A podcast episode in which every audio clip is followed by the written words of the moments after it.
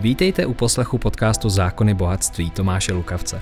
Tentokrát v rozhovoru s hostem na téma, které jste si zvolili v mé uzavřené komunitě. Tato stopáž pochází z živého vstupu na facebookové stránce Zákony bohatství. Doufám proto, že i přes horší kvalitu stopáže v ní naleznete poklady, které jinde nenajdete. Já vás tady všechny zdravím a vítám v tomto našem novém seriálu. Pokud sledujete poprvé tady na blogu Zákony bohatství, tak vás samozřejmě vítám. Budu rád za odběr, pokud sledujete poprvé, aby vám neunikla tato série, protože dnešní vysílání já jsem nazval Jsme v dezinformační válce nebo názorové válce. A proto jsem si pozval dva hosty, kteří přijali mé pozvání. Prvním z nich je Bohumil Kartous. Já zdravím, Bohumile. Ahoj, dobrý den.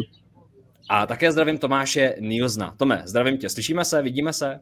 Já vidím, slyším, děkuji, dobrý den všem. Tak a jak to bude dneska probíhat? Stručně a informativně pro vás. Hostům dám nějaké základní otázky na začátku a pak půjdeme k vašim otázkám, které pokládáte na sociálních sítích. Já je sem budu vkládat do studia, takže hosté je uvidí a budou odpovídat. Každému z nich nechám nějaký prostor na to, aby mohl říct si, co má na srdci. Cílem tohoto rozhovoru je dobrat se debaty nebo nějakému vyústění tomu, co to je dezinformace, jak funguje a co už dezinformace není. Protože v dnešní době v sociálních bublinách panuje velká debata, diskuze, zažívali jsme nějakou cenzuru, někdo to cítí jako nespravedlivé, někdo naopak je zastánce. Zároveň také vnímáme třeba od různých vládních představitelů, že stále nemáme jasnou definici z pohledu politiků, co to je dezinformace, co to není dezinformace. A proto moc děkuji teda vám dvou pánové, že jste si udělali čas. Já vás krátce představím abyste věděli teda, s kým máme tu čest, pokud vidíte mé hosty poprvé. Takže v prostředku máme Bohumila Kartouse, který je českým politickým aktivistou, vysokoškolským pedagogem a publicistou, dlouhodobě se zaměřující na téma vzdělávací politiky. Je autorem konceptu Audit vzdělávacího systému České republiky. Bohumile, ty jsi vystudoval Fakultu sportovních studií Pedagogické fakulty Masarykovy univerzity v Brně, také postgraduální studium absolvoval si na Fakultě sociálních věd Karlovy univerzity v Praze.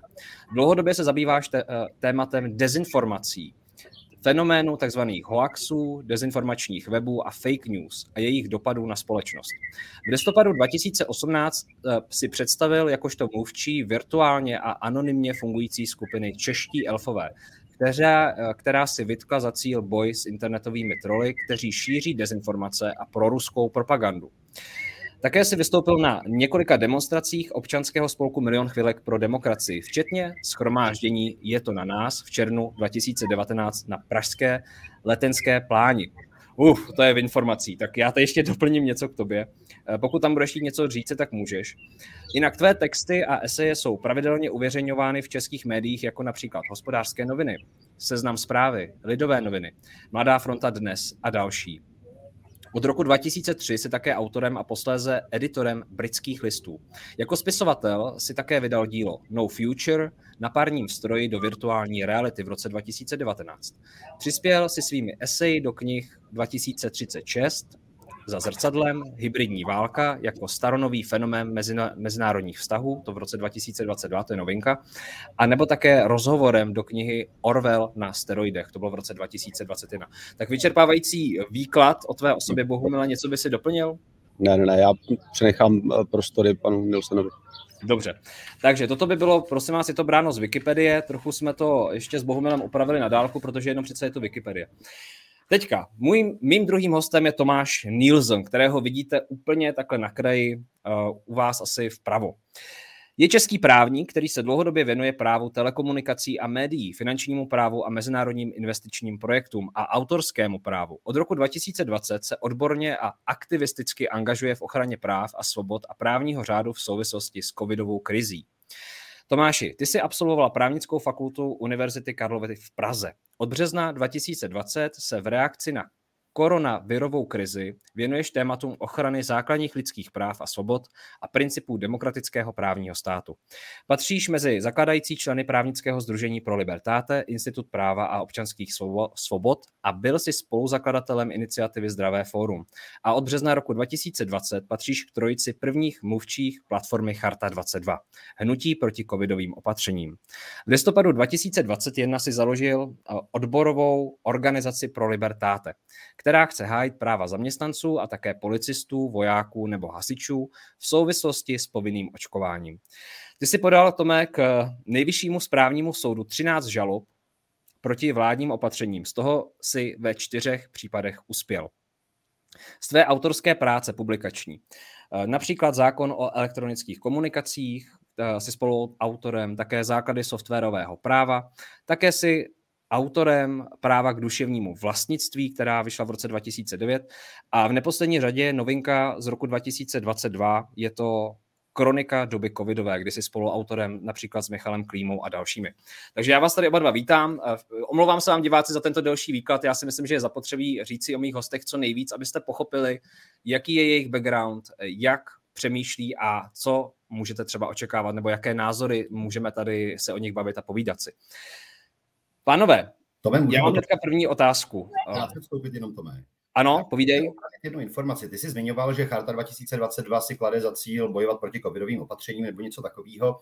Ono to tak není. Já třeba eh, tu, tu covidovou dobu vnímám jako něco, co spíš, řekněme, mnohonásobně víc ukázalo některé základní problémy, které ve společnosti máme už dlouhodobě. Takže ona, ta charta je spíš opravdu shrnutím nějakých základních práv a svobod, na kterých by měl být postavený demokratický mhm. právní stát. Jo, to je jenom, jenom Dobře, děkuju. děkuju za doplnění. Je to bráno, tedy, jak jsem říkal, eh, z, z Wikipedie, takže výzva pro lidi, co pracují z Wikipedie, aby to třeba aktualizovali. Pánové, mám hnedka první otázku, než se pustíme do otázek od uh, lidí na sociálních sítích. Bohumile, jsme podle tebe v dezinformační válce anebo ve válce názorové? Ne, nerozumím úplně otázce ve smyslu názorové války. To, pokud uvažujeme o demokracii jako o systému, který je založen na pluralitní diskusi, tak je zcela přípustné, dokonce žádoucí, aby ta pluralitní diskuse probíhala. Rozdíl mezi názorem a dezinformací je v tom, že názor, řekněme ten legitimní, by měl být postaven na fakticky ověřitelných jevech, fenoménech. Můžeme se bavit třeba o tom, zdali míra zdanění má být eh, progresivní nebo eh, má, nemá být progresivní a můžeme to podkládat různými zkušenostmi a, na, a vlastně nějakými, eh, řekněme, různými způsoby zdanění v různých zemích. Jo. To je názor. Jo.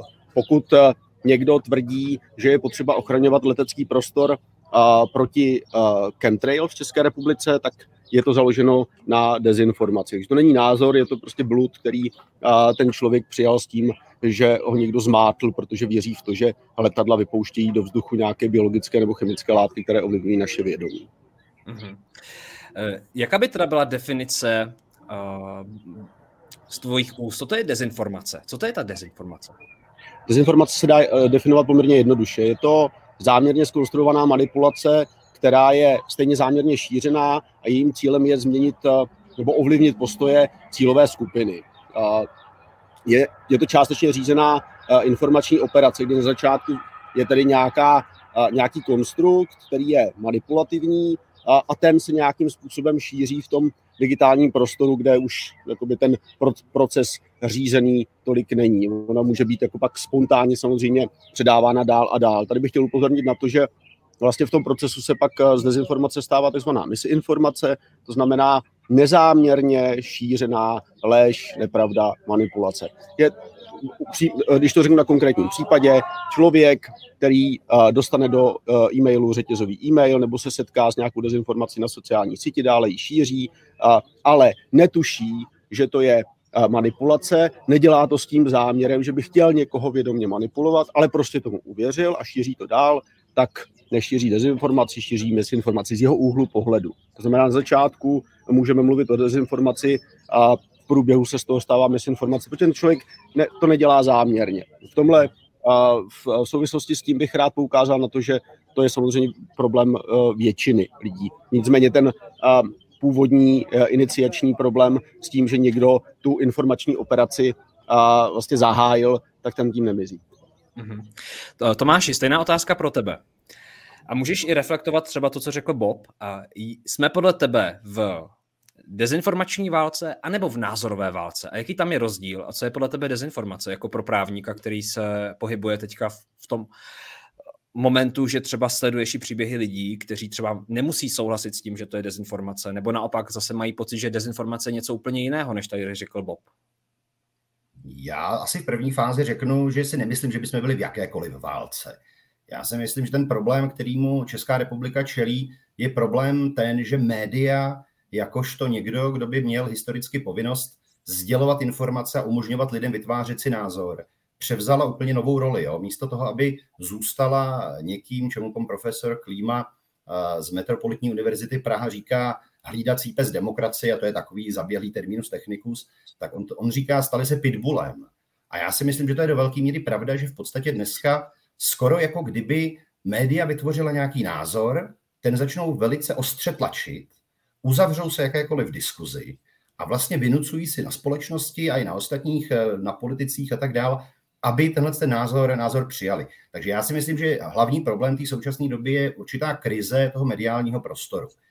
A pokud se bavím o pojmu, já třeba pojem dezinformace používám velmi nerád, protože, a vlastně pan Kartous to trošku i naznačil, eh, bývá spojován s tím, že se říká, eh, někdo, kdo má legitimní názor, nebo názor potvrzený legitimními důkazy a podobně.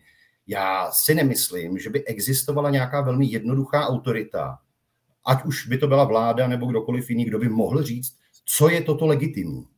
Já, pokud bych měl jít tou cestou nějak, a jako právník samozřejmě ve chvíli, kdy uh, s tím pojmem dezinformace jsou spojeny věci, jako že uh, se, někdo, se někomu ubírají práva, bývá nějakým způsobem persekuován a podobně, tak jsem přesvědčen o tom, že ten pojem, pokud ho chceme používat, musí být definován jednoznačně. A já si myslím, že teda ta dezinformace by skutečně mohla být definována nějak jako a to taky pan Kartous vlastně řekl, uh, něco, co je úmyslně vytvořeno. Myslím si, že to je úmyslně vytvořeno s vědomím toho, že to není pravdivá informace. A je to úmyslně šířeno s tím, aby to a ne ovlivnilo, ale negativně ovlivnilo osobu. Jo. Uvědomme si třeba, že denodenně vydáme reklamy nebo o tom, jak eh, různé sladkosti jsou strašně zdraví, prospěšné dětem.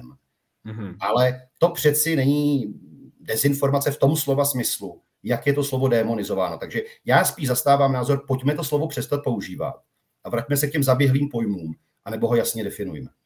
Mm-hmm. Uh, Bobe, chceš tomu něco doplnit?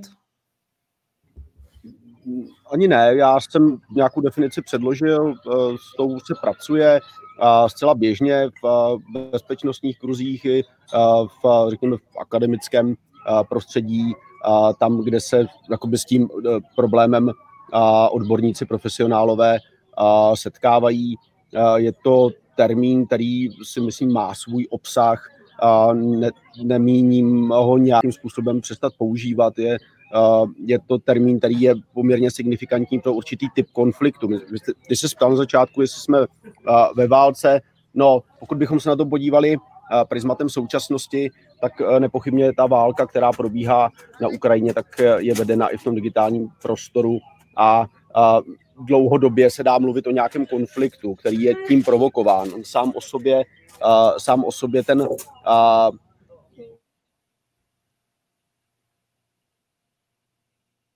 ta iniciativa, to je ten cíl, který tam je zcela evidentní. A jenom, jenom poukážu v té souvislosti, že třeba tajné služby běžně pracují s tímto termínem, a vlastně stal se pro ně něčím, co, nebo tahle oblast se pro ně stala dokonce jedním z, jednou z oblastí, kterou pravidelně sledují a objevuje se to ve výročních zprávách. Takže ne, přímě si nejsem jako to, co říká pan Nielsen, je požadavek i ze strany jiných lidí, kteří se dokonce věnují profesně v oblasti dezinformací. Těsně před válkou na Ukrajině vyšla taková výzva, ve které jako ten požadavek vlastně byl, uh, zazněl velmi podobně, ale upřímně při uh, tom, jak se stal ten termín vlastně součástí toho triviálního jazyka, já nevím, jako netrvám z toho titulu, že by nenašel nějaký ekvivalent, jo, ale jak se stal součástí triviálního jazyka, tak si nedokážu úplně představit, že bychom hmm. ho nějak jako mohli vytěsnit. Hmm. Dobře, děkuji vám moc. Jenom, jenom krátce. Určitě. To, že zpravodajské služby mají nějakou kompetenci, mají nějakou práci, věnují se jí a podobně, to určitě nikdo nepopírá, ale já mám pocit, že ten pojem dezinformace tak zásadním způsobem ztratil na obsahu, že se stal jakýmsi jedním z takových hlavních nástrojů cenzury, kterou teď pro, prožíváme. A není to jenom v souvislosti s válkou na Ukrajině, je to v souvislosti i s, těma, s tím obdobím koronavirovým, kdy uh, řada lidí, odborníků byla zjednodušeně onálepkovaná jako dezinformátoři. A tím byla v podstatě úplně vy, vymazána z veřejného prostoru. To znamená vlastně ten pojem a proč mě vadí je, že byl zneužit k tomu, aby byla vlastně zastavená nějaká pluralitní diskuze názorů. To je asi ten důvod, proč mě vadí. Mm-hmm. Dostaneme se, dostaneme se, pánové, k otázkám od lidí. Uh, Bobe, chceš na to ještě nějak reflektovat, co řekl Tomáš? Ne, děkuji.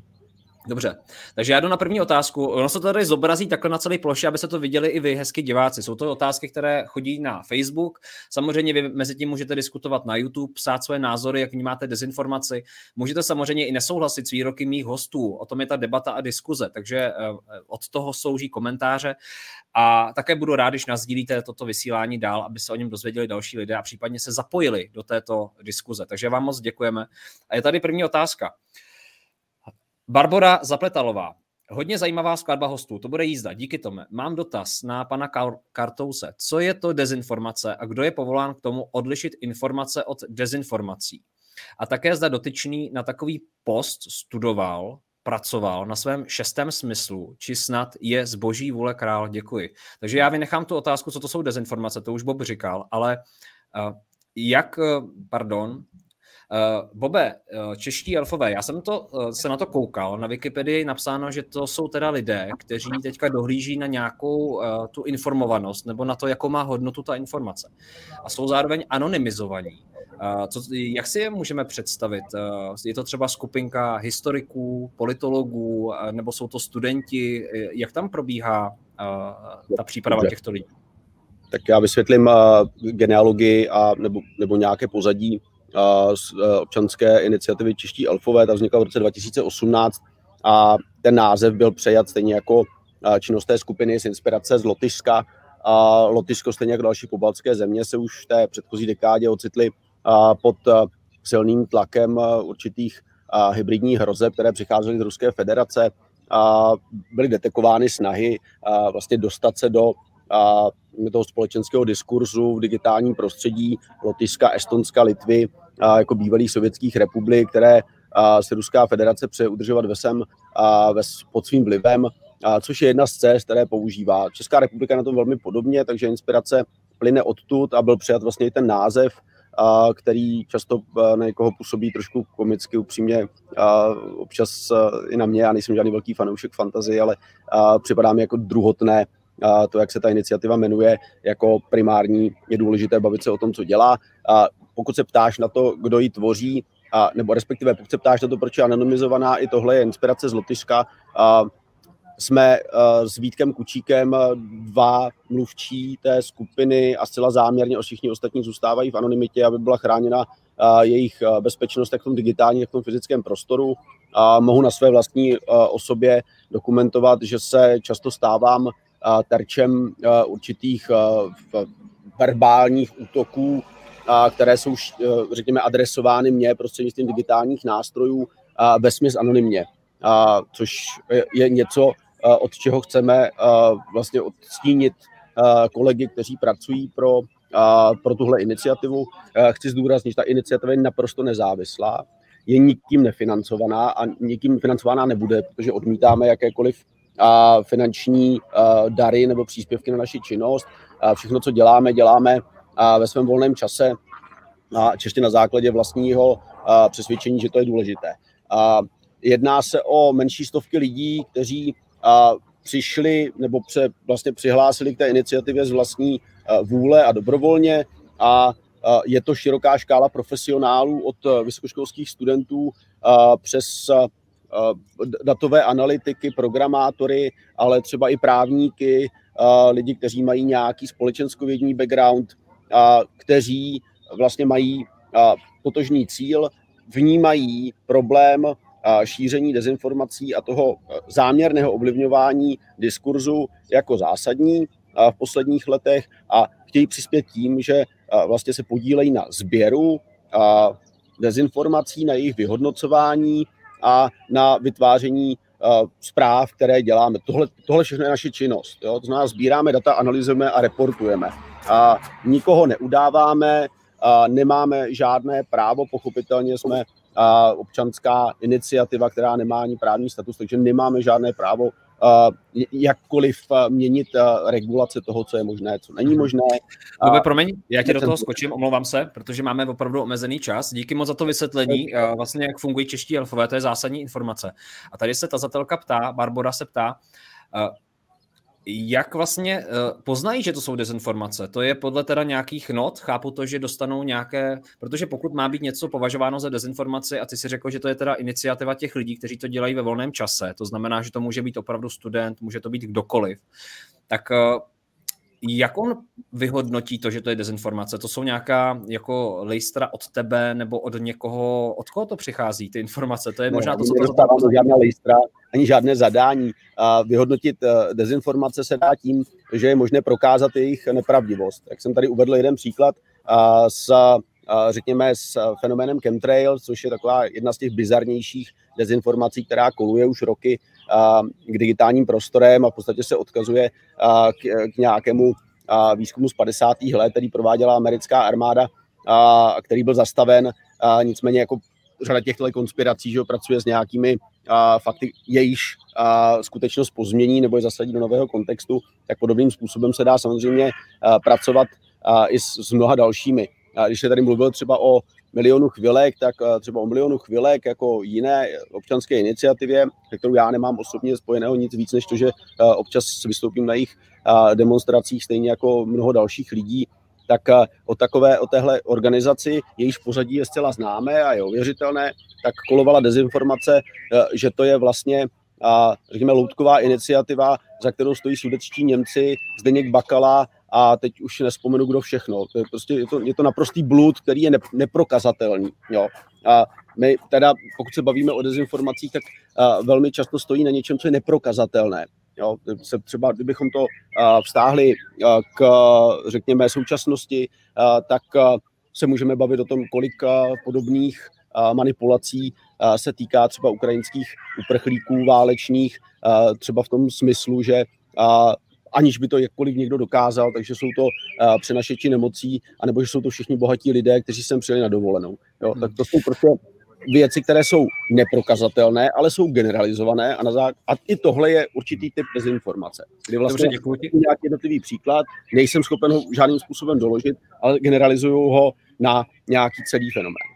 Mhm, děkuji ti, Tome. Chceš to nějakým způsobem okomentovat? Eh, Bob, Bob toho řekl víc, tak jestli máš tomu něco, co bys doplnil a pustíme se do další otázky.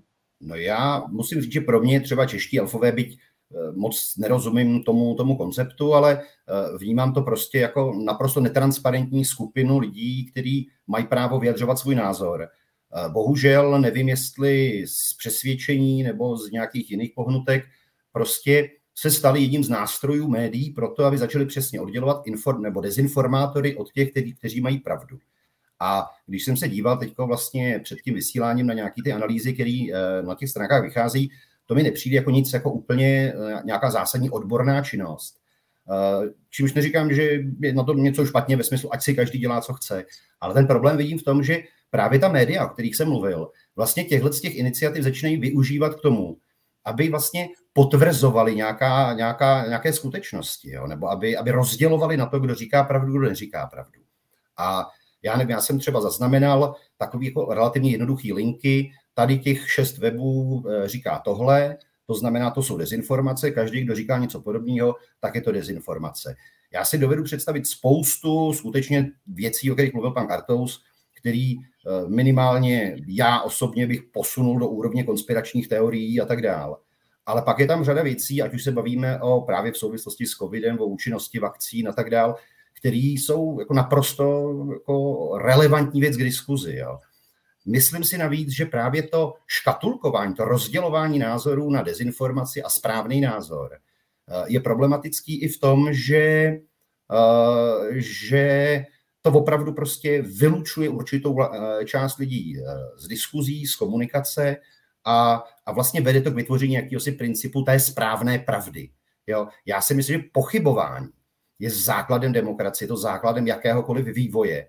A tyhle projekty, byť, jak říkám, jako mně je celkem jedno, že existují, spíš mi vadí to, že média je nějakým způsobem vyzdvihují, jako kdyby to, hmm. bylo, to byla nějaká mantra nebo nějaká moderní inkvizice, která má pravdu. takže, takže to je spíš moje vnímání. Teď jsem viděl, že na webových stránkách Braňme Česko.cz jsou čeští elfové uvádění.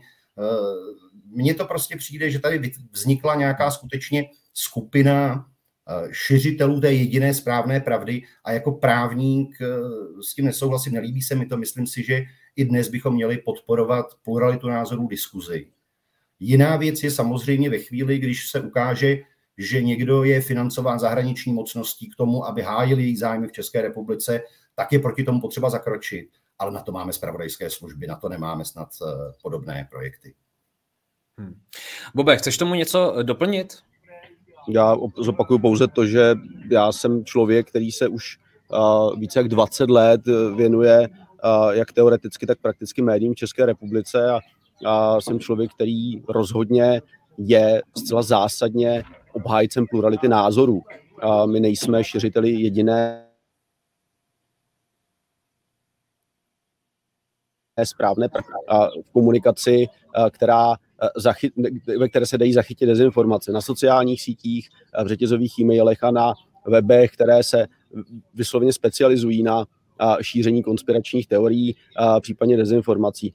Není, nejsme těmi, kdo by vlastně určoval, co je dobře nebo špatně. My jako občanská iniciativa máme určitý pohled na to, jakým způsobem je zacházeno s informacemi v digitálním prostoru, k čemu slouží a tomu se vyjadřujeme. To ostatní je skutečně na rozhodnutí buď to státu v okamžiku, kdy chce nějakým způsobem zasáhnout v případě, že někdo šíří, řekněme, propagnu nepřátelského státu nebo nějakým způsobem schvaluje, řekněme, ty skutky, které jsou za hranou zákona z hlediska českého právního řádu a nebo médií, která se opírají o různé zdroje a pokud má někdo problém s tím, že čeští elfové jsou jako zdroj považováni za relevantní, no tak by nejprve musel vlastně pravděpodobně prokázat, zejména těm daným médiím, že relevantní nejsou. Jo. A upřímně, pokud někdo má potřebu se účastnit mediální diskuse, tak my nemáme nějaký fast track do médií, my jsme oslovováni z jejich strany tu možnost má v podstatě každý pan Nielsen nebo další, kteří se aktivisticky snaží upozorňovat na, řekněme to, co se jim nelíbí z hlediska šíření informací nebo svobody slova. Já vám děkuji obou dvou, myslím si, že o tom bude ještě řeč. Já vás jenom poprosím, pánové, protože máme teda, už tady skáčou otázky a jsou velmi zajímavé, tak já vás poprosím, aby jsme co nejstručněji odpovídali. Chci dát prostor vám oběma, pokud možno co nejvíc stejný. A tak pojďme na to. Mám tady uh, od Barbory Zapetalové. Dotaz na oba hosty. Co ve vás vzbuzují slova respekt, pokora, respekt jiného člověka, respekt jeho názoru? Děkuji. Tak pánové, prosím stručně. Uh, Tome, začni. No, to je, on to vlastně naráží na to, co, co bych chtěl říct, že uh, to, co já necítím právě z těch projevů, ať už jsou to čeští elfové a podobné projekty, je respekt k ostatním názorům, ale i k ostatním dospělým lidem. Já nepotřebuju elfy ani, ani Toma Bombadila, ani nikoho jiného, aby mi vysvětloval, co je pravda, co není pravda. Uh, musím říct, že třeba na té mediální, na mediální scéně mě překvapuje to, že uh, že třeba jim nevadí, že jsou vlastně využíváni k tomu, aby, aby, se, aby se ta diskuze nějakým způsobem eliminovala. Pro mě Eh, tou základní hodnotou je respekt k názoru jiného člověka. To je moje základní povinnost, ať s tím názorem souhlasím nebo nesouhlasím. A máme tady potom jednoduše a jasně stanovená právní pravidla pro případy, kdy někdo těchto práv zneužije. Ale aby tady vznikla nějaká šedá zóna, která bude říkat, tohle je dezinformace, protože se to neopírá o legitimní názor nebo o legitimní informace, o legitimní studie, to je něco, co já považuji opravdu za rizikový, rizikovou cestu k cenzuře a za něco, co je v rozporu s tím, s tím respektem. Hmm. Bobe, poprosím tebe. Já stavím respekt a pokoru k názoru jiných lidí určitě na jedno z předních míst, ale v okamžiku, kdy se setkávám s člověkem, o němž vím, že jeho názor je založen na bludu, který je nepravdivý, tak eh, mi nezbývá, než toho člověka upozornit na to, že s ním nemohu souhlasit a že vychází z něčeho, co je nepravdivé. A vzhledem k tomu, že se z toho stala masová záležitost, tak eh, je dle našeho názoru, myslím občanské iniciativy českých elfů, nutné na to upozorňovat jako na masový fenomén. A ostatně rád bych upozornil na to, že tahle diskuse se nevede jenom prostřednictvím českých elfů. To je otázka, řekněme, postoje mnoha dalších, dokonce na straně státu, kde existuje na ministerstvu vnitra vlastně složka, která se jmenuje Centrum proti teroristickým teroristickým a hybridním hrozbám, která je vlastně jak, jakousi, jakýmsi krokem státu k tomu tento fenomén nějakým způsobem popisovat a případně eliminovat vliv řízených informačních operací. Skutečně nemůžeme tvrdit, že všechny názory zaslouží respekt, pokud jsou postaveny na bludu. A to, že jsou postaveny na bludu, nutně nemusí znamenat, že ten člověk to tak chce, ale prostě pouze se stal třeba obětí toho změněného způsobu produkce a přijímání informací. To je něco, co je prokazatelný fakt. Nežijeme v 20. století, žijeme v 21. století. A to má velmi specifické charakteristiky. Můžu k tomu jenom krátce, jenom, jenom, jenom pár komentářů. Jo. To je přesně ono. To je prokazatelné. To jsou bludy. To je prostě hodnocení který ale je samo o sobě názorem. To je první pro mě strašně děsivá věc, když někdo podsouvá někomu svoje pravdivý názory tím, že dokáže něco označit jako blud. Takhle před, já nevím, kolika čtyřmi lety by, by jsme tvrdili, že Galileo Galilei a další astrologové neměli pravdu. Eh, před 150 lety bychom tvrdili, že pouštění žilou je nejgeniálnější eh, zdravotní zásah. Jo.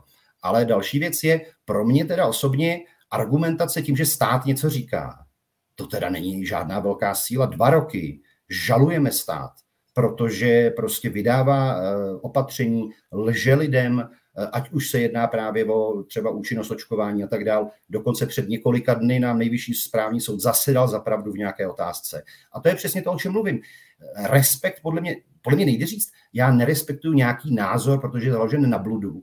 Já ten respekt vidím ne v tom, že s tím souhlasím, Dokonce ani ne v tom, že připouštím diskuzi na nějaký téma. Každý má právo nediskutovat.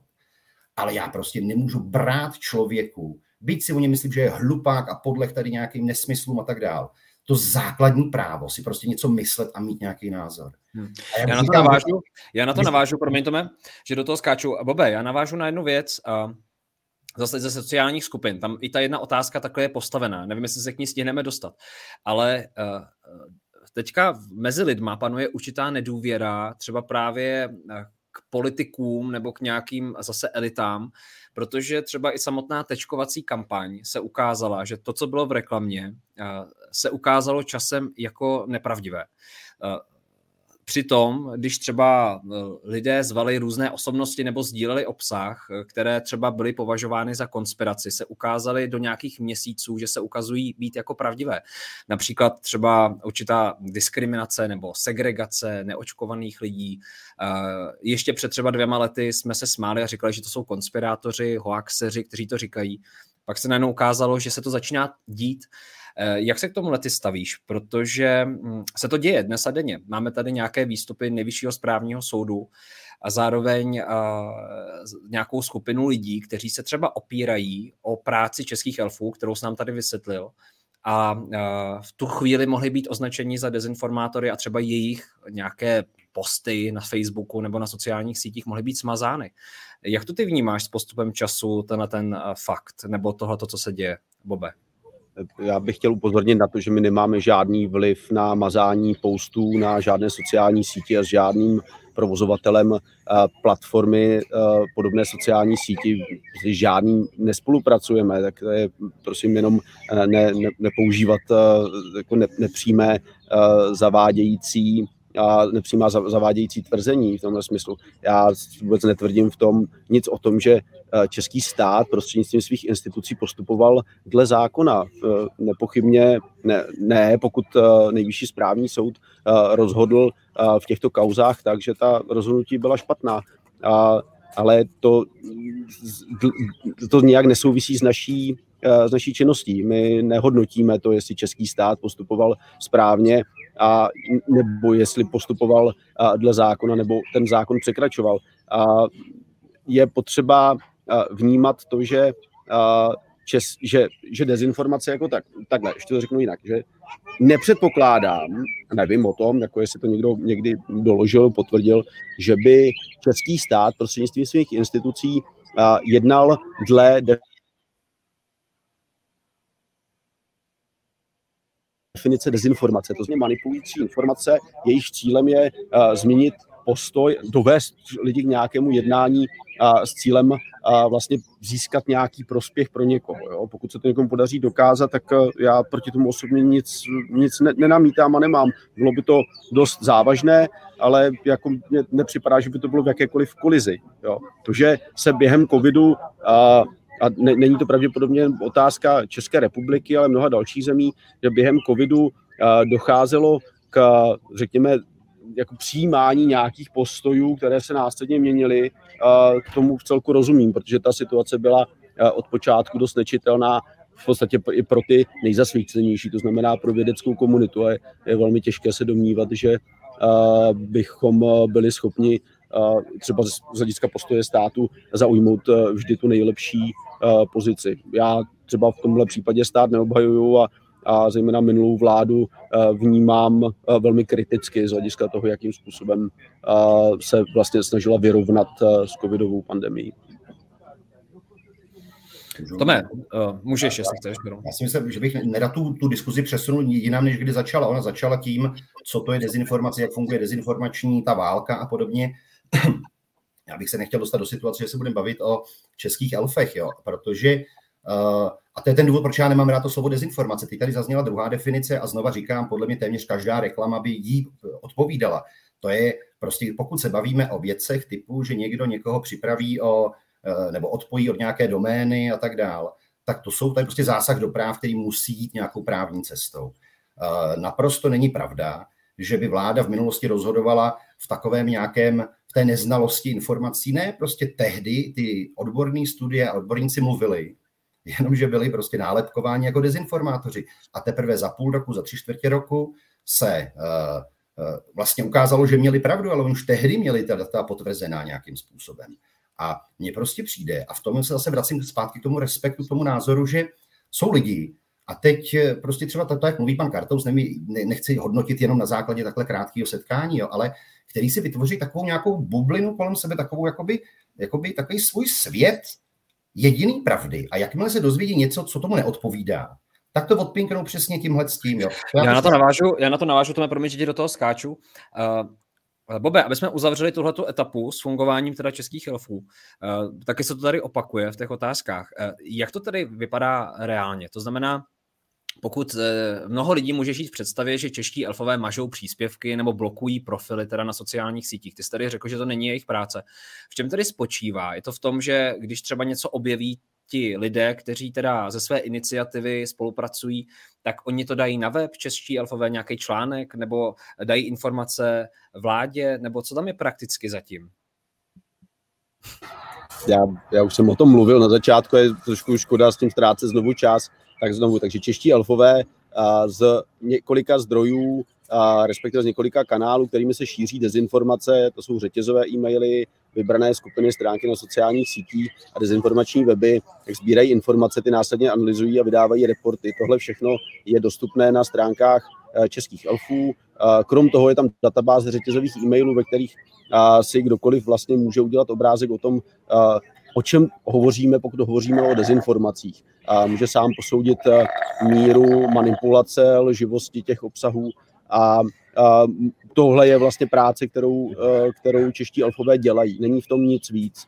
A není v tom eh, žádné dávání, donášení nebo, nebo cenzorování jakéhokoliv obsahu a není v tom žádná spolupráce s provozovateli platform. Mhm. Dobře, pojďme dál k dalšímu tématu. Tady je otázka od Evy Jelínkové. Eh, nemám na pana Kartouze dotaz, ale vzkazují mu, že si žádnou cenzuru nepřeji a chci se vyhodnocovat, chci si vyhodnocovat jednotlivé informace sama.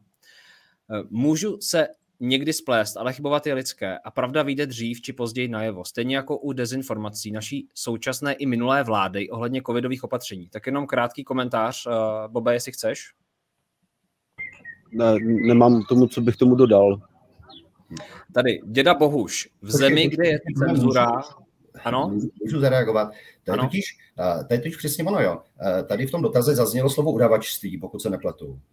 A jak jsem mluvil o tom čeští elfové mají logo na tom, na tom webu, kde to tam bylo, nebo Mm, ne, tak možná chci si je vyhodnocovat sama, chyba ty lidské a tak dál. Jo, a zase narážím na to, že prostě čeští elfové jsou na tom webu Braňme Česko a i tím, co říká pan Kartous, na mě to prostě působí stylem, že napomáhají, byť možná neumyslně, brždění diskuze, brání lidem v pochybování a vlastně motivují k těmhle tím věcem, jako je nahlašování, jenom na základě jakýchsi slov, jako je dezinformace a dezinformační web. Aniž bych ale slyšel nějakou jako jinou definici, že než dezinformační web je web, který obsahuje informace založené na... A není, a není to, Tome, trochu potom práce těch médií? Eh, já jsem tady pochopil, Souhlasím, já jsem že třeba média, že třeba média mohou vzít, eh, že mohou vzít třeba nějakou jako zdroj a pak to mohou někde uvést. 100% eh, souhlas. Ještě se k tomu možná dostaneme. Já tady dám prostor těmto otázkám. Tady, nebo děda Bohuš se ptá, v zemi, kde je cenzura, nelze oficiálním zprávám věřit. Uh, takže Tome, a Bobe, máme tady nějakou cenzuru, byly zablokované weby. A vytvořilo to obrovskou diskuzi, spoustu lidí si začalo vzpomínat na doby minulé, e, začali to skloňovat. Někteří lidé zase byli silně pro, protože samozřejmě teďka chovají v rámci situace na východě, na východě určitou zášť vůči Rusku a naprosto souhlasí. E, Bobe, je cenzura v tomto okamžiku správným krokem vlády, že teda vyzvali NIK nebo NIC.cz, eh, nevíme, jaká tam je dohoda mezi nimi, nicméně tato soukromoprávní firma zablokovala tyto weby. Jak to ty vnímáš? Než nám prostor tobě, poprosím stručně a pak Tomášovi. Uh, chtěl bych upozornit na to, že k tomu došlo ve naprosto výjimečné situaci. Uh, ty weby, které nebyly zablokovány, ale uh, byla jim odebrána možnost používat národní doménu, většina z nich funguje pod jinou doménou a byly vlastně obnovená jejich činnost velmi rychle. Tak byly za, byla jim odejmuta ta možnost fungovat pod tou národní doménou nikoli v rozhodnutí vlády, ale z rozhodnutí uh, občanského združení, pokud dobře uvědomuju status uh, uh, té organizace, která to spravuje. A vnímám to ze svého hlediska jako určitý projev občanského postoje v krizové situaci, ale ano, uh, souhlasím, jakákoliv takováhle událost by za běžných okolností a pokud by mělo být systémové, tak, tak za takových okolností opřena o, o legislativu. Ostatně já jsem člověk, který volá potom, aby vznikl návrh zákona, který by upravil regulaci řekněme, svobody slova v tom smyslu, jako je upravena mnoha jinými právními, právními úpravami, jako jsou třeba a řekněme omezení ve smyslu zákazu šíření a nenávistných projevů na základě rasy, etnicity nebo náboženství, šíření poplašných zpráv a, a dalších a vlastně řekněme skutečností, které jsou mimo zákon. Hm. Já se tam trochu blbě ještě, Bobe.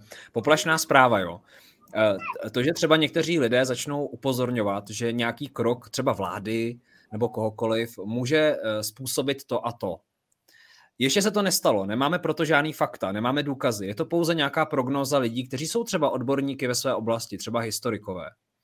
Je toto poplašná zpráva nebo není? Jak bys tomu ty přistupoval? To, jestli něco je poplašná zpráva nebo není, musí rozhodnout soud. Já nejsem soud, uh, že nevím. Jo, teď přímě nejsem schopen na tohle odpovědět. Jo. Uh, ne, nedokážu to. Jo, nejsem, Jasně, nejsem oprávněn. Díky, Tome. Já vám ti prostor na reakci teda na, na tu cenzuru a pojď případně doplnit. No, Poprosím taky společně. O několik věcí. Jo. Mě děsí představa, že tady lidi, jako je pan Kartous a podobně, začnou vytvářet, a já chápu, že jste to asi nemyslíte, to budete dělat vy, jo, ale eh, regulaci toho, co je to dezinformace, jak regulovat svobodu slova a podobně. A jsem rád, že my vlastně v rámci Charty 2022 teď připravujeme fakt jako odbornou diskuzi na tohle téma, kde jsou hranice svobody slova protože eh, je hrozně jednoduchý označit něco za dezinformaci, je hrozně jednoduchý označit něco za nenávistný prohlášení. Ale prostě pokud se o tom bavíme v nějakém právním režimu, tak prostě musí být jasný, kde jsou ty hranice svobody slova. A podle mě teď se ty hranice hrozně rozplizly. To, že CZNIK jednal na pokyn vlády, přiznal fakticky předseda vlády, který označil to rozhodnutí nebo tu, ten postup za takzvaně hraniční.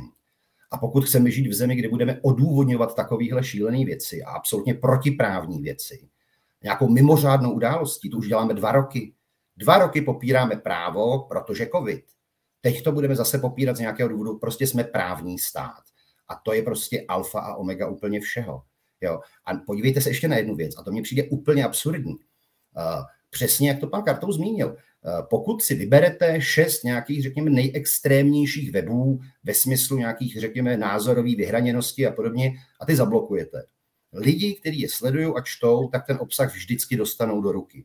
Ta zbyt, zbylá většinová populace uh, se vlastně ty, ta, tyhle ty média ani nečte. Ta čte tak, ty, čte takzvaný ty, ty mainstreamové média. Mě by třeba hrozně fascinovalo, kdyby vzniknul nějaký projekt, který bude hodnotit jakoby manipulace ze strany mainstreamových médií z hlediska titulků. Jo? Všimněte si. A to já považuji za strašně zásadní problém. Lidi dneska nečtou články, v řadě, řada z nich čte titulky. A v mnoha případech i na těch nej, nejserióznějších eh, mediálních třeba portálech najdete titulek, který neodpovídá obsahu. Ten obsah je výrazně umírněnější než titulek. To je to, co ovlivňuje lidi. Jo? Eh, přijde mi to, že prostě jako porušovat právo s odkazem na nějakou mimořádnost nemůžeme prostě takovým způsobem dělat.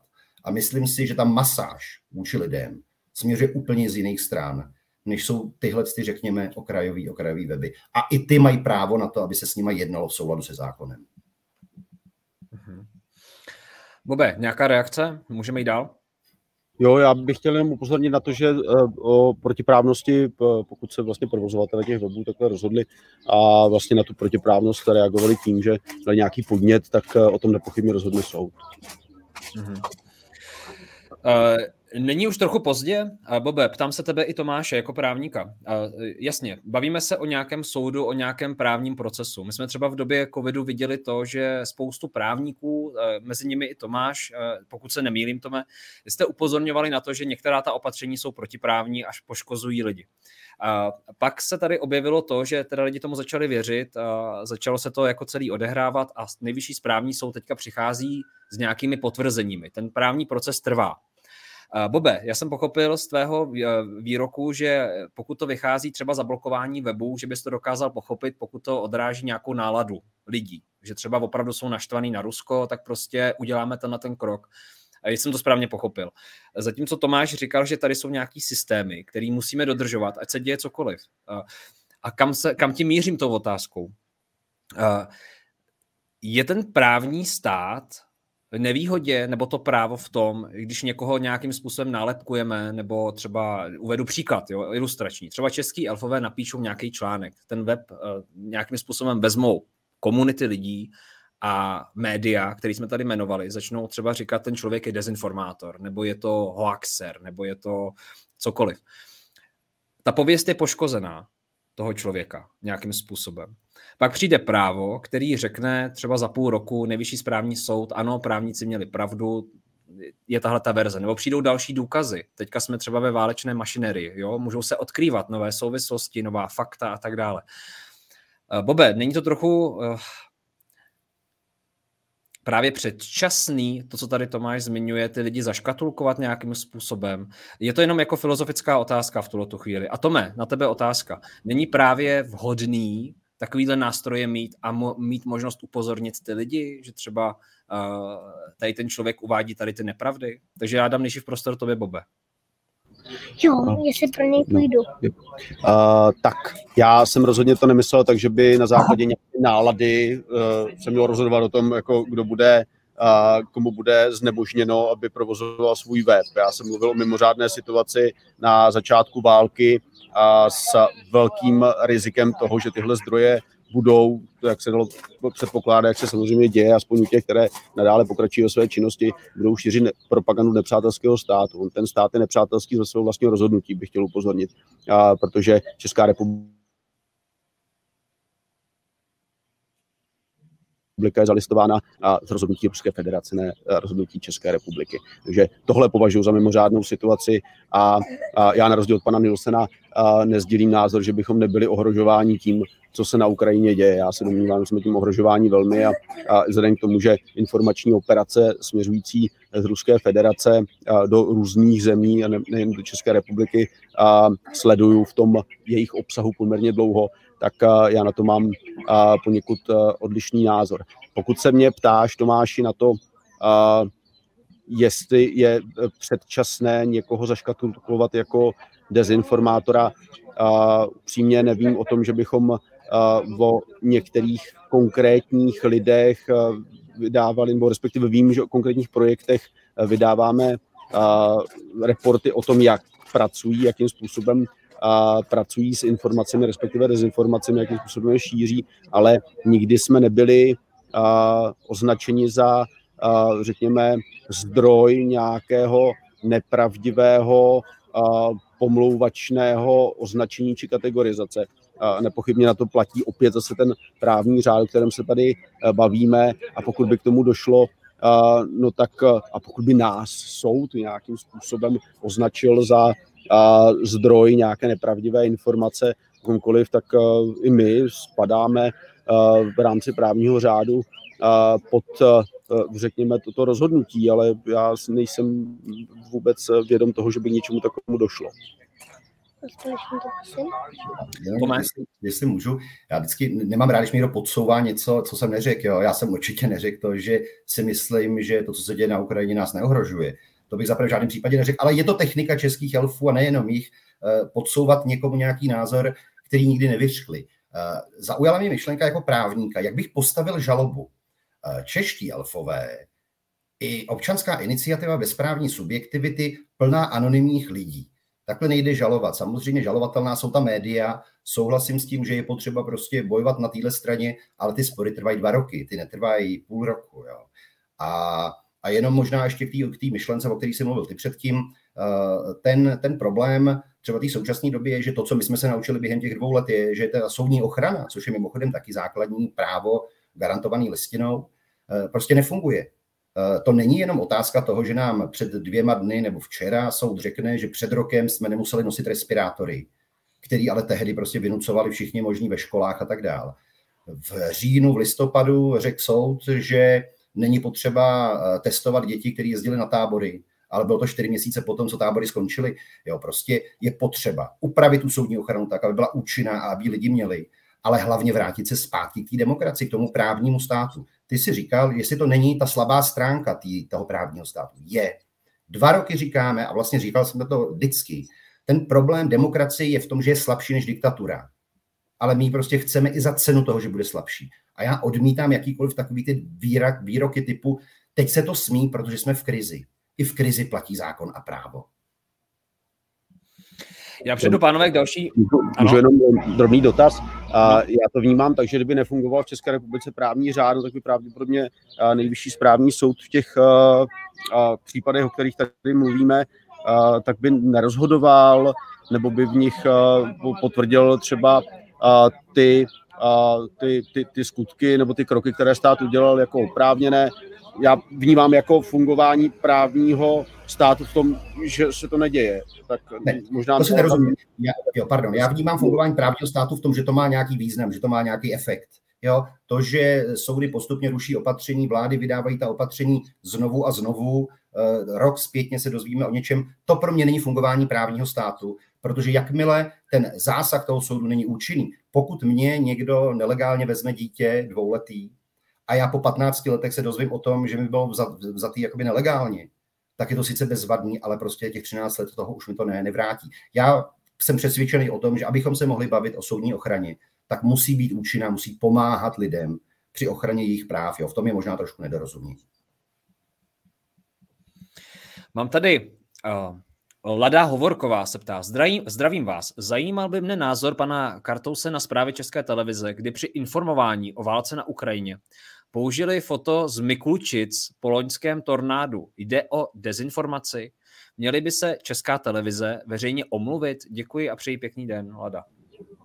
Ne, nejde o dezinformaci, jde o omyl, respektive chybu, které, které došlo v redakci zpravodajství České televize Česká televize, pokud vím, se za tohle omluvila.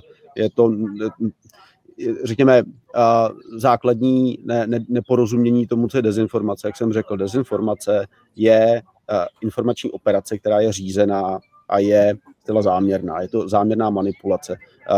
Těžko lze obvinit českou televizi, televizi v tomto případě z toho, že by postupovala podobně.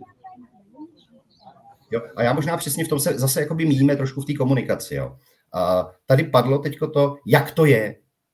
Já, asi, jako, já nevím, jak to je. Jo? Já osobně věřím tomu, že to skutečně byla chyba, protože mi to přijde jako až tak absurdní, že by česká televize manipulovala tímhle způsobem.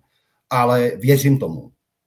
Nemůžu do, jako veřejně říct, že to tak je. Myslím si taky, že si Česká televize omluvila a mnohem víc mi vadí manipulace typu, že udělají otevřenou diskuzi o tom, co bude dál s covidem a pozvou tam jenom zástupce MESESu. Jo. To mi přijde jako větší problém a větší důkaz eh, manipulativního fungování České televize, než tohle. Hmm. Já vyzývám vás, diváci, jak vy vnímáte roli České televize? Jste s ní spokojení, nejste? Napište nám do komentářů, jak vnímáte fungování. Můžete i debatovat. Já tady navážu další otázkou od uh, Modrý srdcař. Dotaz. Mají politické strany a politici právo platit si agentury, které jim na sockách blokují a cenzurují komentáře? Platí si tuto službu z našich peněz nebo si je platí z ze svého platu, z našich peněz. Tam je jako, uh, rozumíme asi otázce. Uh, pojďte, kdo k tomu chcete cokoliv do, říci. Je to na vás na oba. Jenom já krátce, to jsou dvě roviny v tom dotazu. Jo? Ta první rovina je, jestli někdo může na své sociální sítě, v tom profilu jednat dle podmínek, které jsou stanoveny smlouvou, kterou má vlastně danou s tím provozovatelem té platformy. A, a pokud ty podmínky jsou takové, že tam může blokovat nebo mazat příspěvky, tak nepochybně to v tom není žádný problém. Jo, znovu, jo, to je prostě jednání ve smyslu podmínek využívání té sociální sítě. Pokud, a to je ta druhá rovina, někdo k tomu používá vlastní uh, propagaci, uh, řekněme posilování své vlastní uh, politické pozice, a to znamená nějakého soukromého zájmu veřejné prostředky, no tak to je samozřejmě zneužití veřejných prostředků. Tak, já bych možná jenom, jenom připojil, jako jedna věc je nakládání s těma veřejnýma prostředkama, druhá věc je, že prostě pokud politická strana jakákoliv odmítá diskuzi, tak je to spíš informace pro voliče, než jo, prostě, prostě kdo nechce diskutovat, nechce diskutovat. Uh, mně spíš opravdu vadí to fungování těch sociálních sítí v tom smyslu, že se z nich stal jakýsi hlídací pes správného názoru a to bez možnosti lidí na to nějakým způsobem reagovat. Jo? Jinak mazání komentářů, pokud si na profilu někdo maže komentáře, ať to dělá. Eh, tady padlo, eh, jak jsou elfové ohrožení různými útoky. Charta 2002 byla od začátku napadená poměrně silným DDoS útokem. Na mě denodenně na Facebooku útočí trolové bez jakéhokoliv profilu a tak dál. To jsou prostě věci, které se dějou. To je hold jako slabá stránka toho, toho, toho onlineu. Zdá se mi, pánové, že jste oba dva jako pod určitým tlakem, samozřejmě, protože to teďka ta debata, eh, obzvlášť teda v tom onlineu, může být žhavější. Je taky pravda, že lidé na internetu komunikují mnohem ostřeji než v reálném životě. Proto anonymní rád, lidé většinou, pardon. Jo. Nebo anonymní lidé, no. A proto jsem rád, že o tom můžeme eh, debatovat. Já tady mám otázku, hmm, taková, jako asi to můžeš odpovědět první. Je možné žalovat naše politiky za výroky, že jsme ve válce a hnedka v následně eh, otázka na tebe, Bobe. Pokud politici třeba využívají takhle silnou argumentaci, nějaké určité PR, že jsme ve válce, a fakticky to není pravda, protože třeba nejsme teďka ve válce s nikým, jak se k tomu stavíš? Nejdřív dám prostor o tome tobě. Tak mě tenhle styl komunikace zásadně vadí, protože právě v krizích eh, by měli být politici velmi opatrní v tom, aby nešířili nějakou paniku mezi lidma, a oni dělají pravý opak. Jo. Dokonce na těch stránkách Braňme Česko, což je pro mě opravdu takový symbol úplně děsu, co si může vláda, která se tváří jako demokratická, dovolit. Je někde napsáno, že vlastně nemáme ani záruku, že se Putin zastaví na hranicích Ukrajiny. Jo. Jako do určitý míry je to pravdivý výrok, záruku nemáme v ničem, ale pokud tohle řekne vláda, tak tím logicky vyvolává v lidech pocit, že tohle je nějaká reálná, něčím potvrzená hrozba. Já se obávám po těch dvou letech, co jsme podávali trestní oznámení na podobné výroky, na mrazáky, na, na to, kdo, komu, kdo koho zabil a podobně, že to nemá šanci na úspěch v této době. Prostě policie to odloží, eh, pokud se tím vůbec bude zabývat. Takže já se obávám, že v tuhle chvíli ta právní ochrana v tomhle směru nefunguje a opravdu jenom bych byl hrozně rád, kdyby si politici uvědomili, že teď je to fakt blbý období a nejenom v důsledku té ukrajinské krize nebo nejenom v důsledku války na Ukrajině, ale i v důsledku toho, jak nám neuvěřitelným způsobem stoupají ceny energie, inflace a podobně. Česká republika se dostává do obrovské krize. A my teď spíš potřebujeme trošku jako eh, ty, ty, ty lidi, aby, aby, aby si, když to řeknu vošklivě, nehonili vlastní PR, ale spíš jako převzal nějakou odpovědnost. Jo? To, to si myslím, že mě vadí víc. Bobe, tvoje reakce. Je možné žalovat naše politiky za výroky, že jsme ve válce. Jak to vnímáš z pohledu teda eh, dezinformací nebo hoax nebo konspirace? My se tady bavíme o výroku, který může mít naprosto odlišný kontext. Pokud by nějaký politik tvrdil, že jsme ve válce s Ruskem, tak to není pravda. Nejsme ve válce s Ruskem, válka nebyla vyhlášena ani jedním, ani, ani jednou, ani druhou stranou. A pokud by někdo řekl, že jsme ve válce hodnot, tak si dokážu představit, že tohle je naprosto spravedlitelný výrok. My jsme ve válce hodnot, tady stojí nějaká despocie proti, proti demokratickému způsobu smýšlení a to je velmi trefná metafora, že já nejsem schopen z tohohle vlastně usoudit, do jaké míry by bylo možné to považovat za vhodné či nevhodné. Hmm. A to, jestli je to žalovatelné, tak to by muselo být skutečně opřeno o to, že ten politik tvrdí něco prokazatelně nesprávného. A ještě k té domněnce o možnosti přelítí toho konfliktu někam jinam. No, nevím jak pan Nielsen, ale uh, řada lidí, uh, analytiků, bezpečnostních nebo lidí, kteří se zabývají mezinárodními vztahy, si tu otázku zcela vážně klade. Jestli uh, současná Ruská federace při naprosté vyšinutosti jednání uh, prezidenta Putina a jeho okolí je, má skutečně nějaký limit v tom, kam až dokáže zajít a rozhodně třeba v pobaltských zemích by s výrokem, že Putin nepřejde hranice mezi jejich územím a územím Ruské federace brali sila vážně, takže no, je to skutečně velmi těžké o tom, řekněme, nějak jako jednoznačně rozhodovat.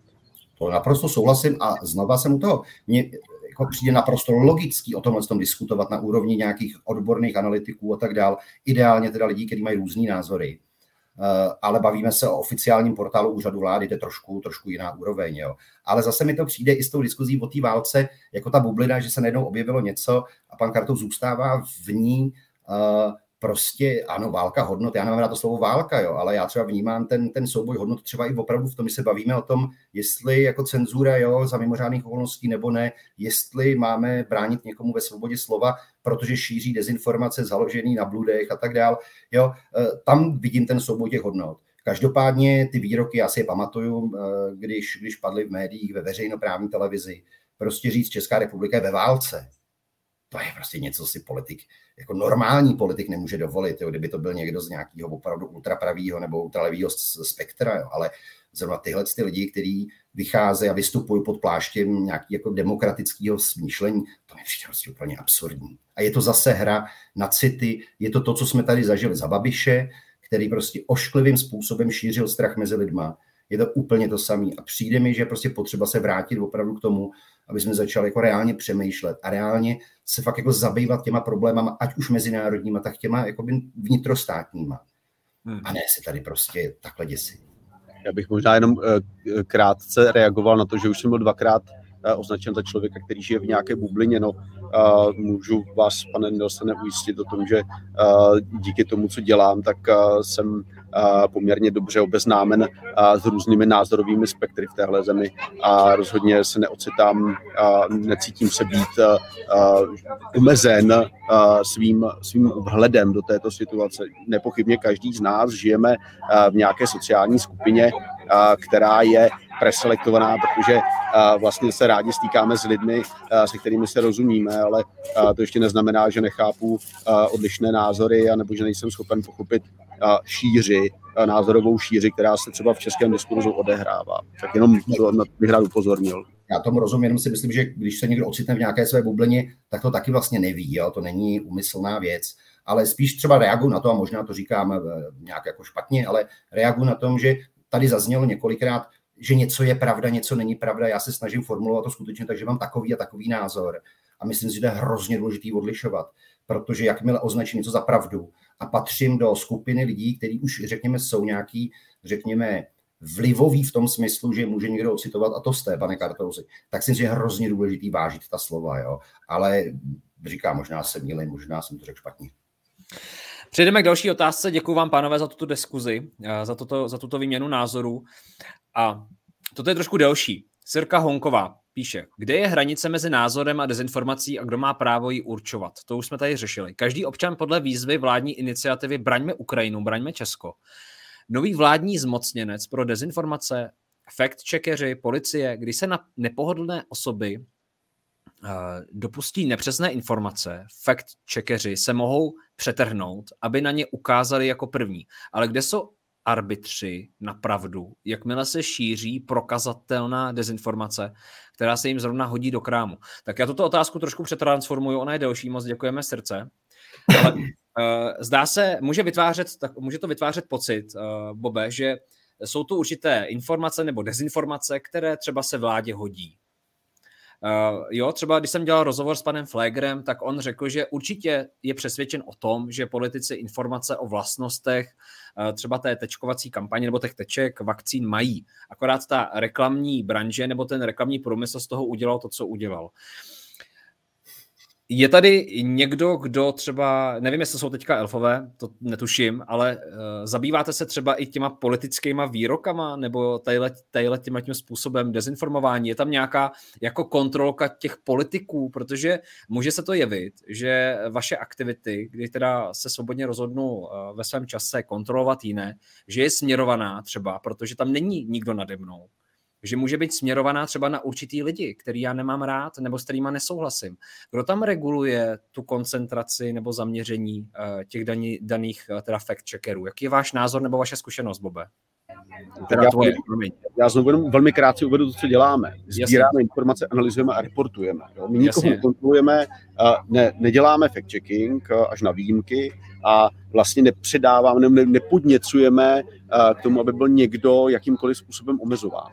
Jo? Prostě my prostě předkládáme informace na základě těch, a někdo další může jednat nebo nemusí. Jo? Prostě to je na jeho rozhodnutí. A nicméně a já bych, já úplně nevím přesně, a jestli a se skutečně došlo k tomu, že by vláda, můžete mi vyvést omilu, byl vláda zcela záměrně jednala na základě nějakých dezinformací. Vy jste tady uh, uvedl uh, jméno pana, uh, pana profesora Flegra a já si nedokážu představit, ten člověk jako šířil dezinformaci. Pokud dezinformaci bereme jako záměrnou konstrukci, záměrnou manipulaci, se kterou chci někoho jako přimět k tomu, aby změnil svůj postoj nebo své jednání. A stejně jako na druhé straně bychom asi uvedli uh, příklady jiné, nevím, myslím, že pan uh, Nielsen by asi uvedl pana profesora Berana, uh, tak ani u pana profesora Berana se nedomnívám, že je to člověk, který by záměrně, záměrně šířil dezinformace. Je to člověk, který je z akademického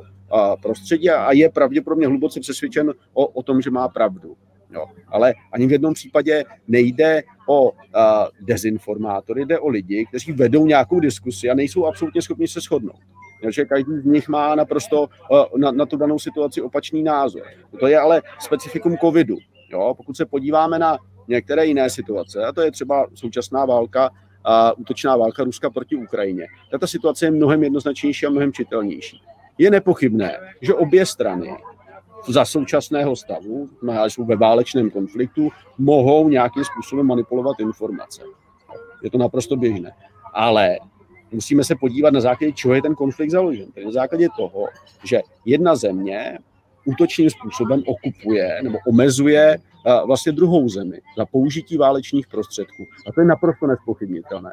Takže jenom chci uvést jako příklad toho, že jsou různá témata, kterých jako tu jakoby tu zásadní esenci toho, co lze označit za pravdu, ne, můžeme hledat různě hluboko. Abych možná se trošku zastal pana profesora Berana v tom, že na rozdíl od pana Flegra jemu ty vlastně jako výsledky odpovídají, respektive data odpovídají tomu, co říkal a navíc tomu rozumí, je to člověk z oboru, aspoň minimálně, jo. ale uh, spíš se mi líbila ta poznámka, i to jsem nepochopil, že vláda teda jako se vymlouvá, že ty lži o očkování nevymyslela ona, ale vymysleli je reklamní agentury. To mi přijde hrozně legrační, protože uh, asi si to všichni pamatujeme a dohledáme to do dneška a pan ministr Válek s tím pokračuje dneska vesele dál, jo. A jinak uh, já se totiž bojím jedné věci. Já se bojím, že ta cenzura, kterou teď jsme zavedli a zavádíme, Eh, přesně dostává tu zemi do pozice, že, jak říkal pan Kartous, tady se úplně vytratí pochyby, vytratí se diskuze, protože proti sobě budou dát stát dvě skupiny. Jedna je taková ta, ta oficiální, a druhá jsou přesně ty čtenáři těch, těch, těch uh, jakoby vypnutých nebo prostě přesměrovaných webů. Ale takový ty normální lidi, co by chtěli diskutovat. A nemluvím o tom spochybňovat, že agrese je válečný zločin a tak dále, ale diskutovat o nějakých dalších věcech, tak ty se dneska nevyjádří ani náhodou. Já jsem se bavil s desítkama lidí v době covidových, kteří se báli vystoupit, aby nebyli dehonestovaní. Dneska ale je to mnohonásobně jako horší ta pozice. Jo. Na druhou stranu já si myslím, že prostě je potřeba se bavit o tom, jak zabezpečit prostě do budoucna e, nějaký jako mírový fungování Evropy a tak dál. A, a, a nelíbí se mi to, že tady zase funguje jenom jeden jednoznačný názor. A pokud já třeba řeknu, že nesouhlasím s dodávkama zbraní na Ukrajinu, tak místo toho, aby lidi řekli, hm, to je jako zvláštní názor, já s tím nesouhlasím, tak mi řeknou, no to teda je úplně špatně. Tady ta diskuze úplně zmizela a lidi se bojí pochybovat o čemkoliv. A já znova říkám, pochyby jsou prostě cestou k pokroku a k vývoji. Já se omluvám, jednak se blíží šestá hodina, jak jsem Koukám na to, Bobe, koukám na to. Já tady a dám poslední otázku. A jenom možná reagoval na to, co, co, co říká pan Josen. Já se nedomnívám ani v nejmenším, že by chyběla uh, diskuse. Ona se mění, ona se velmi zásadně mění tím, jaké prostředky k té diskusi používáme. To, co se děje velmi často, protože ta otevřenost, jo, ta, ta, ta možnost využít různých platform k tomu, abychom vedli diskusi, ta je, ta je nezměrná, obrovská, nikdy taková nebyla. Jo. Co se ale mění, je povaha té diskuse. Právě tím, jakým způsobem třeba fungují sociální sítě, a tam naprosto souhlasím s panem Nilsenem, které podporují to uzavírání se do těch bublin, řekněme do těch názorových uh, ozvěn, teda názorových komor, eh, kde se neustále ozývá to též, ale to se týká tady mimochodem vlastně jako řekněme všech a čím jakoby, řekněme menší je schopnost tady tohle prohlédnout, tak tím uh, větší je ochota přijmout ně, něco za, za ne, ne, nespochybnitelnou pravdu. A tak já se nedomnívám, že bychom vlastně nějakým způsobem jakoby omezovali, nebo že bychom žili v období omezené diskuse. Já spíš, co vidím jako problém, je, že prostřednictvím té měnící se diskuse, a to je vliv médií, tady můžeme vytáhnout nebo štíkame Klahena, který říkal, že médium je zpráva, i tohle jakási zpráva o našem o stavu naší civilizace, jak tam se nevede vlastně diskuse. Jo. I vlastně díky té algoritmizaci a personalizaci zveřejňovaných médií se často vedou prostě paralelní monology. To je, to je velmi nebezpečné. Já možná jen to upřesním, pokud jsem mluvil o diskuzi, tak pro mě ta klíčová je skutečně ta odborná diskuze na úrovni vlády. A to je to, co mi tam chybí. Jo? A, a znova říkám, prostě diskuze, která je založená na nějaký pluralitě názorů. To myslím, že nejpodstatnější. Je otázka, jestli politikové takovou diskuzi vyhledávají a, samozřejmě to už by bylo na další debatu a jaké diskuze jsou pro ně vhodné a nevhodné v daném rámci a jací lidé eh, jim hrají do karet a jací ne. A to už bychom tady opravdu mohli mluvit dál. Já vám chci oba, obou dvou moc poděkovat. Uh, Bobe, tobě za tvůj čas a energii. Vím, že jsi teďka někde venku s dětma, takže moc ti děkuju. Pokud budeš chtít do budoucna pokračovat, moc rád tě pozvu, protože tady máme opravdu nesčetný množství otázek. Mě až mrzí, že ten čas máme omezený, protože jsou velmi zajímavý a týkají se dezinformací, týkají se třeba i vašich aktivit uh, českých elfů i pro Libertáte Tome. A uh, takže kdybyste souhlasili, uh, uspořádám něco do budoucna. Moc ti děkuji, Bobe. Máš ještě něco na závěr, co by si doplnil? Určitě souhlasím, děkuji též.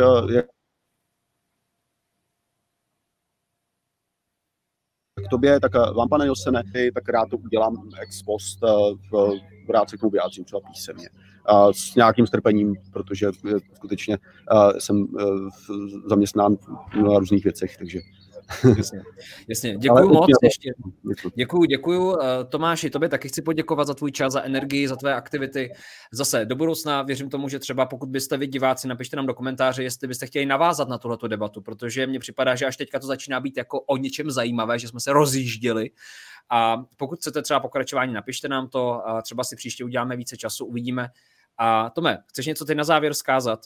Já taky moc děkuji oběma za tu možnost se tady takhle pobavit vlastně o poměrně zásadních tématech a jenom bych možná apeloval na lidi, aby se nebáli vyjádřit svůj názor protože, ale, ale s respektem teda k názoru ostatních. Děkuji jasně, jasně. Jinak odkazy na oba dva pány máte pod tímto videem. Na Boba jsem tam dal odkaz na České Elfy a na jeho tvorbu, na jeho publikace. U Tomáše to samé, takže můžete se podívat, poinformovat, propojit. A moc vám děkujeme. Děkuji vám za to, že sledujete tyto rozhovory. Chystám pro vás další s panem Jindřichem Reichlem a společně s zakladatelem Iluminátu Tonym budeme vést také debatu nad dezinformacemi. Bude to velmi zajímavé, budu rád, když se zapojíte. A případně odebí odebírejte tento kanál, pokud vás to zajímá, sdílejte dál tuto debatu, pokud tady zaznělo něco, co by měli slyšet třeba vaši přátelé, ať už z úst Boba nebo z úst Tomáše. Děkujeme vám a přejeme vám hezký den. Naschledanou. Naschledanou. Děkuji vám za poslech. Pevně věřím, že vás podcast inspiroval. Budu zároveň vděčný za každou zpětnou vazbu a samozřejmě případné sdílení podcastu dál. Jo a nezapomeňte si vyzvednout svůj dárek na www.zákonybohatství.cz. Je tam pro vás kniha v akci.